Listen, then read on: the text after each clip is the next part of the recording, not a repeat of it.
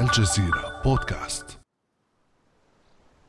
وسط مئات الأفدنة الزراعية في دلتا النيل يقف رضوان بين سنابل القمح تحسرا على أرضه التي تتجعد شيئا فشيئا كتعابير وجهه الحزين.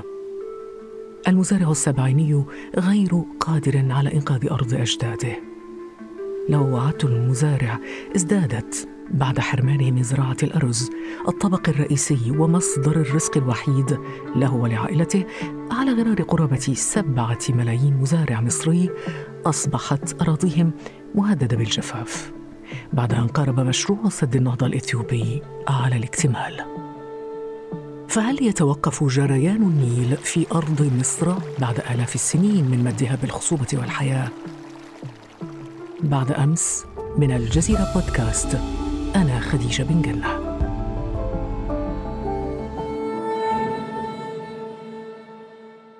أهلا بك الزميل عبد الفتاح الفايد محرر الشؤون المصرية في قناة الجزيرة. أهلا وسهلا بك. يا مرحبا. كيف حالك؟ أهلا وسهلا. أهلا أهلا. على ضفاف النيل. على ضفاف النيل اليوم. وما أحلى النيل. الفتاح بعد جولة المفاوضات الأخيرة في الخرطوم. طبعا الأنظار تتجه اليوم إلى الاجتماع المرتقب في أديس أبابا بين طرفي الخلاف يعني مصر وإثيوبيا. وهذا الخلاف الذي طال أمده حول سد النهضة. ما قصة هذا السد؟ سد النهضة هو أساسا فكرة أمريكية ربما يستغرب البعض ذلك وليست فكرة أثيوبية. كيف؟ الولايات المتحدة الأمريكية عام 1956 وحتى عام 1964 كانت تضغط على الرئيس الراحل جمال عبد الناصر ضغطا شديدا. كانت الفكرة الأساسية أن هناك حاجة لتخزين مياه النيل. لكن أمريكا كانت عداوة لعبد الناصر تريد أن تتم عملية تخزين مياه النيل في أثيوبيا وليس في مصر. وكانت مصر تريد أن تتم عملية التخزين في مصر. عندما بدأت مصر إقامة السد العالي هنا رفضت الولايات المتحدة الأمريكية رفضا باتا وقليلون من يعرفون أن هناك علاقة بين سد النهضة والسد العالي. وهنا بدأت الأزمة، بدأت أمريكا وتحديدا إدارة تسمى مكتب الاستصلاح الأمريكي وهو مكتب حكومي تابع للإدارة الأمريكية بعمليات المسح وحدد موقع سد النهضة وأبلغ أثيوبيا أن هذا هو المكان وهذا هو المشروع. طيب عبد الفتاح اذا نحن نتحدث عن مشروع قومي بالنسبة لإثيوبيا. فعلا مشروع قومي لدى الأثيوبيين يعني لا يمكن المساس به، هذا السد بدأت فكرته باسم محلي سد بني شنقول وهو اسم القبيلة التي تقيم في هذه المنطقة، ثم سد حداثة وهو أيضا اسم محلي إقليمي، ثم تطور إلى سد الألفية مع بداية عام 2000 وهذا يدلنا أيضا على أن الفكرة قديمة يعني الفكرة وتتطور يعني حتى وإن لم تخرج إلى العلن وإلى النور لكنها حاضرة في الذهنية الأثيوبية لها رعاية دولية وتتطور. وثم بعد سد الألفية أو سد القرن تم الاتجاه إلى تسميته بسد النهضه الكبير. طيب عبد الفتاح هل تعتقد أنه تراجع دور مصر افريقيا يعني أدى إلى تفاقم الأزمة أكثر؟ بالتأكيد خديجة مصر خاصمت إفريقيا وكان ذلك في الحقيقة لأسباب نستطيع أن نقول سياسية ولأسباب شخصية تخص الرئيس الأسبق حسني مبارك. الأسباب السياسية مفهومة لأن مصر بالفعل انكفأت على ذاتها ألغت وزارة الدولة للشؤون الأفريقية التي كان يرأسها الدكتور بطرس غالي الأمين العام الأسبق للأمم المتحدة وأحد الشخصيات المعروفة في أفريقيا كان يمكن باتصال منه يحل كثير من المشكلات نظرا لعلاقاته الوثيقة مع القادة والزعماء الأفارقة.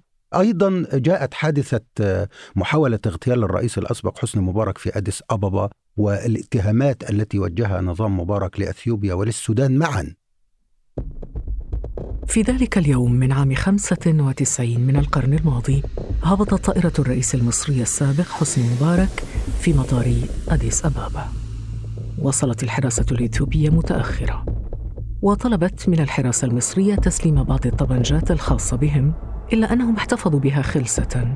وفي الطريق إلى مقر انعقاد قمة الوحدة الإفريقية في أديس أبابا سيارة زرقاء تسد الطريق يترجل منها أشخاص يحملون أسلحة ويطلقون النار. يتصدى لهم حراس مبارك يصيبون أحدهم فيما يهرب البقية. وعند عودته على الفور إلى القاهرة الرئيس مبارك يصف منفذي محاولة الاغتيال بشوية رعاع. ضرب حتى آه، الواحد قال له هيجري البلد مش هتقع. لكن دول شوية رعاع.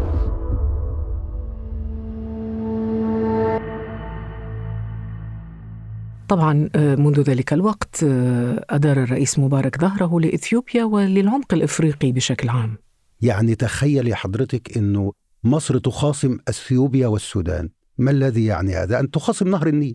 لأن 80% من مياه مصر تأتي من آه، الهضبة الأثيوبية من بحيرة تانا ثم تمر مباشرة إلى السودان. كثير من الناس لا يعلمون كيف يأتي النيل إلى مصر لأن هناك 11 دولة هي دول حوض نهر النيل. لكن في الحقيقة اثنتان منهما فقط أثيوبيا والسودان يأتي 80% من المياه عن طريقهما.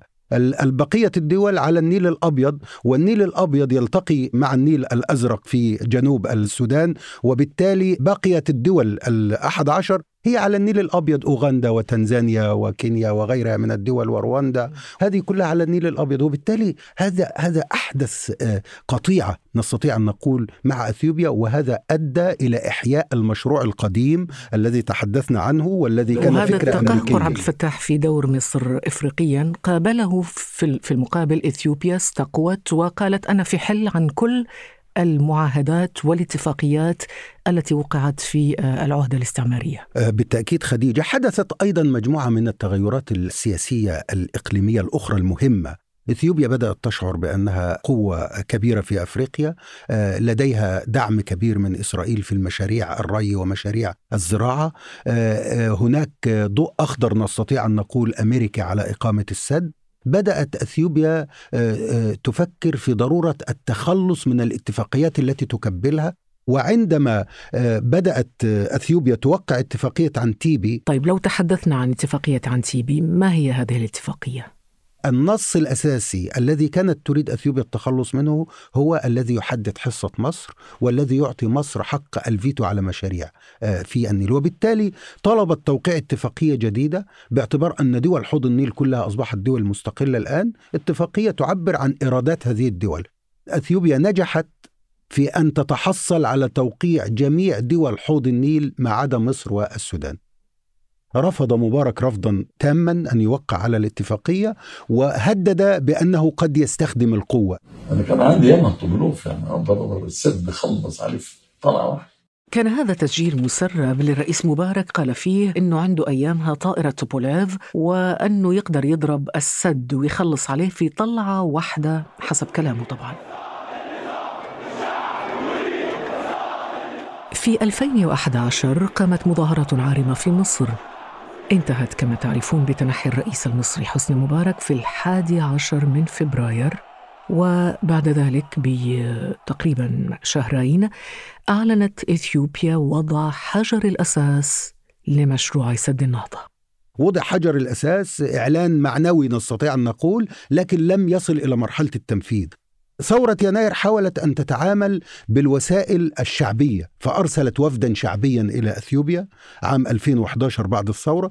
هذا الوفد الشعبي كان يضم برلمانيين رؤساء أحزاب لكن بعد انتخاب الرئيس الراحل محمد مرسي بدأ التعامل بشكل مختلف. كان هناك تهديدات من قبل الرئيس مرسي لأثيوبيا في حال أقدمت على بناء السد. هذا النخيل الذي يروى بماء النيل إن نقصت مياهه قطرة واحدة فدماؤنا هي البديل. دماؤنا هي البديل. لكن المرحلة الحاسمة نعم. الأكثر حسما هي المرحلة الحالية. نعم بالتأكيد. المرحلة الحالية آه، كانت حاسمة لأن الرئيس آه، المصري أقدم على خطوة آه، توقف عنها مبارك وتوقف عنها طنطاوي وهو رئيس المجلس العسكري وامتنع عنها محمد مرسي واتخذها الرئيس المصري الحالي عبد الفتاح السيسي بالتوقيع على اتفاق المبادئ. وما الذي تضمنه هذا الإعلان؟ أقصد إعلان مبادئ 2015 هناك من يتهم الرئيس المصري الحالي بأنه أخطأ عندما وقع هذا الاتفاق قبل أن يحسم الملفات الخلافية الخاصة بملء الخزان، الخاصة بحصة مصر من مياه النيل، الخاصة تدفق المياه في مواسم الجفاف وغيرها وبالتالي يلقون عليه باللائمات طيب عبد الفتاح أمام كل هذا هل استطاع آه، الرئيس عبد الفتاح السيسي أن يطمئن آه، الرأي العام المصري؟ في الحقيقة الرئيس السيسي كان يعتبر أن توقيع اتفاق المبادئ في الخرطوم بينه وبين آه، رئيس وزراء أثيوبيا والرئيس السوداني السابق عمر البشير هو طمأنة للمصريين. فأصبحت المسألة وكأن هناك تحول مفاجئ من حالة من القلق الشديد من عطش آه، مصر وانقطاع مياه النيل وهجرة المصريين لبلادهم إلى أن هناك لا توجد أزمة من الأساس. وكان هذا مفاجئا في الحقيقة كيف تتحول أكثر الأمور؟ عبد الفتاح هو أنه ربما في الثقافة السياسية ال- في العالم الناس مش متعودة أنه رئيس يطلب من رئيس أن يقسم أمام ال- الملأ. والله والله. والله والله. لن نقوم بأي ضرر. لن نقوم؟ بأي ضرر. لن نقوم بيدرة للمياه في مصر. للمياه في؟ مصر. مصر. هل يعتبر هذا الالتزام التزاما سياسيا حقيقيا بين الدول؟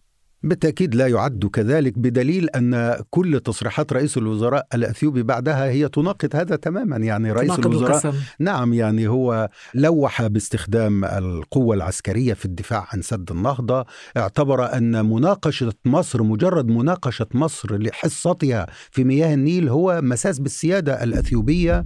اعتبر أن طلبات مصر هي طلبات مرفوضة وتمثل خط أحمر. بعدها بعام واحد. أعلنت مصر دخولها مرحلة الفقر المائي. إحنا دلوقتي بالمعايير الدولية طبقا يعني الأمم المتحدة في هذا المجال إحنا دخلنا في حالة أو مستوى الفقر المائي للإنسان. عبد الفتاح معاناة مصر يعني بدأت حتى قبل أن تبدأ إثيوبيا في تشغيل سد النهضة. اذا ما هي الحلول البديلة لمصر اليوم؟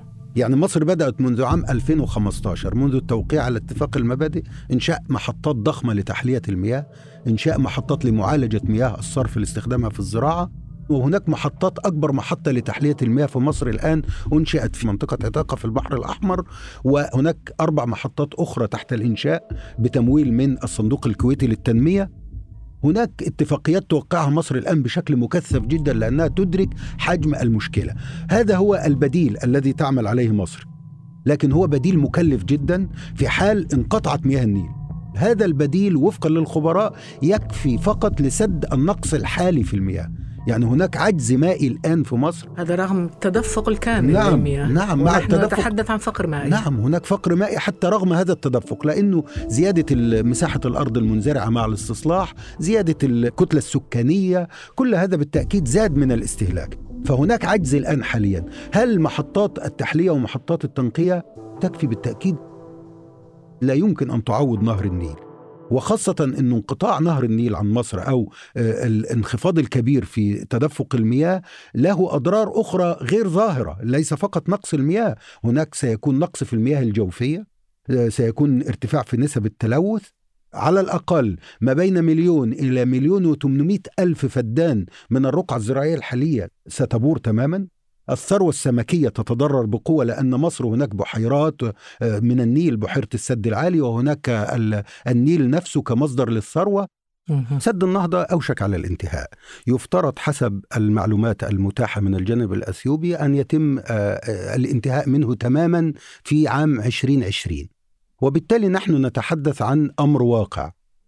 كأنك عبد الفتاح تقول لنا أنه إحنا أمام بلدين 100 مليون معلقة في مصر 100 مليون من البشر حياتهم معلقة بنهر النيل و100 مليون إثيوبي أيضا حياتهم معلقة بنهر النيل وإحنا أمام معادلة صعبة جدا. هو في الحقيقة خديجة بالفعل هي معادلة صعبة لكن كانت تتطلب حوارا أفريقيا أفريقيا أكثر. يعني السؤال الآن الكبير مصر هي رئيس الاتحاد الأفريقي. الاتحاد الأفريقي مقره في أثيوبيا. لماذا تلجأ إلى أمريكا وتخرج القضية من آه، آه، نطاقها الطبيعي وهو الاتحاد الاتحاد الأفريقي؟ الأفريقي، أين نعم. دور الاتحاد الأفريقي؟ لماذا لا يكون هناك حوار أفريقي أفريقي وحوار بين دول حوض النيل؟ طب هذا- هذا دور حد الاتحاد الإفريقي مغيب تماما؟ مغيب تماما وعلى الرغم من أن الرئيس المصري هو رئيس الدوره الحالية للاتحاد الأفريقي هو نفسه الذي أحال القضية إلى التدويل وبالتالي نحن في حاجة إلى حوار بالفعل أثيوبي سوداني أفريقي آه، يجمل دول حوض النيل يعمل على التنمية. المصري. لماذا لا تكون مصر مثلا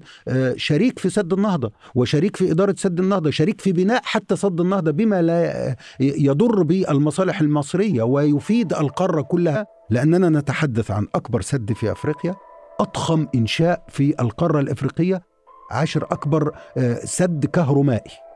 وربما هو أضخم سد على الإطلاق.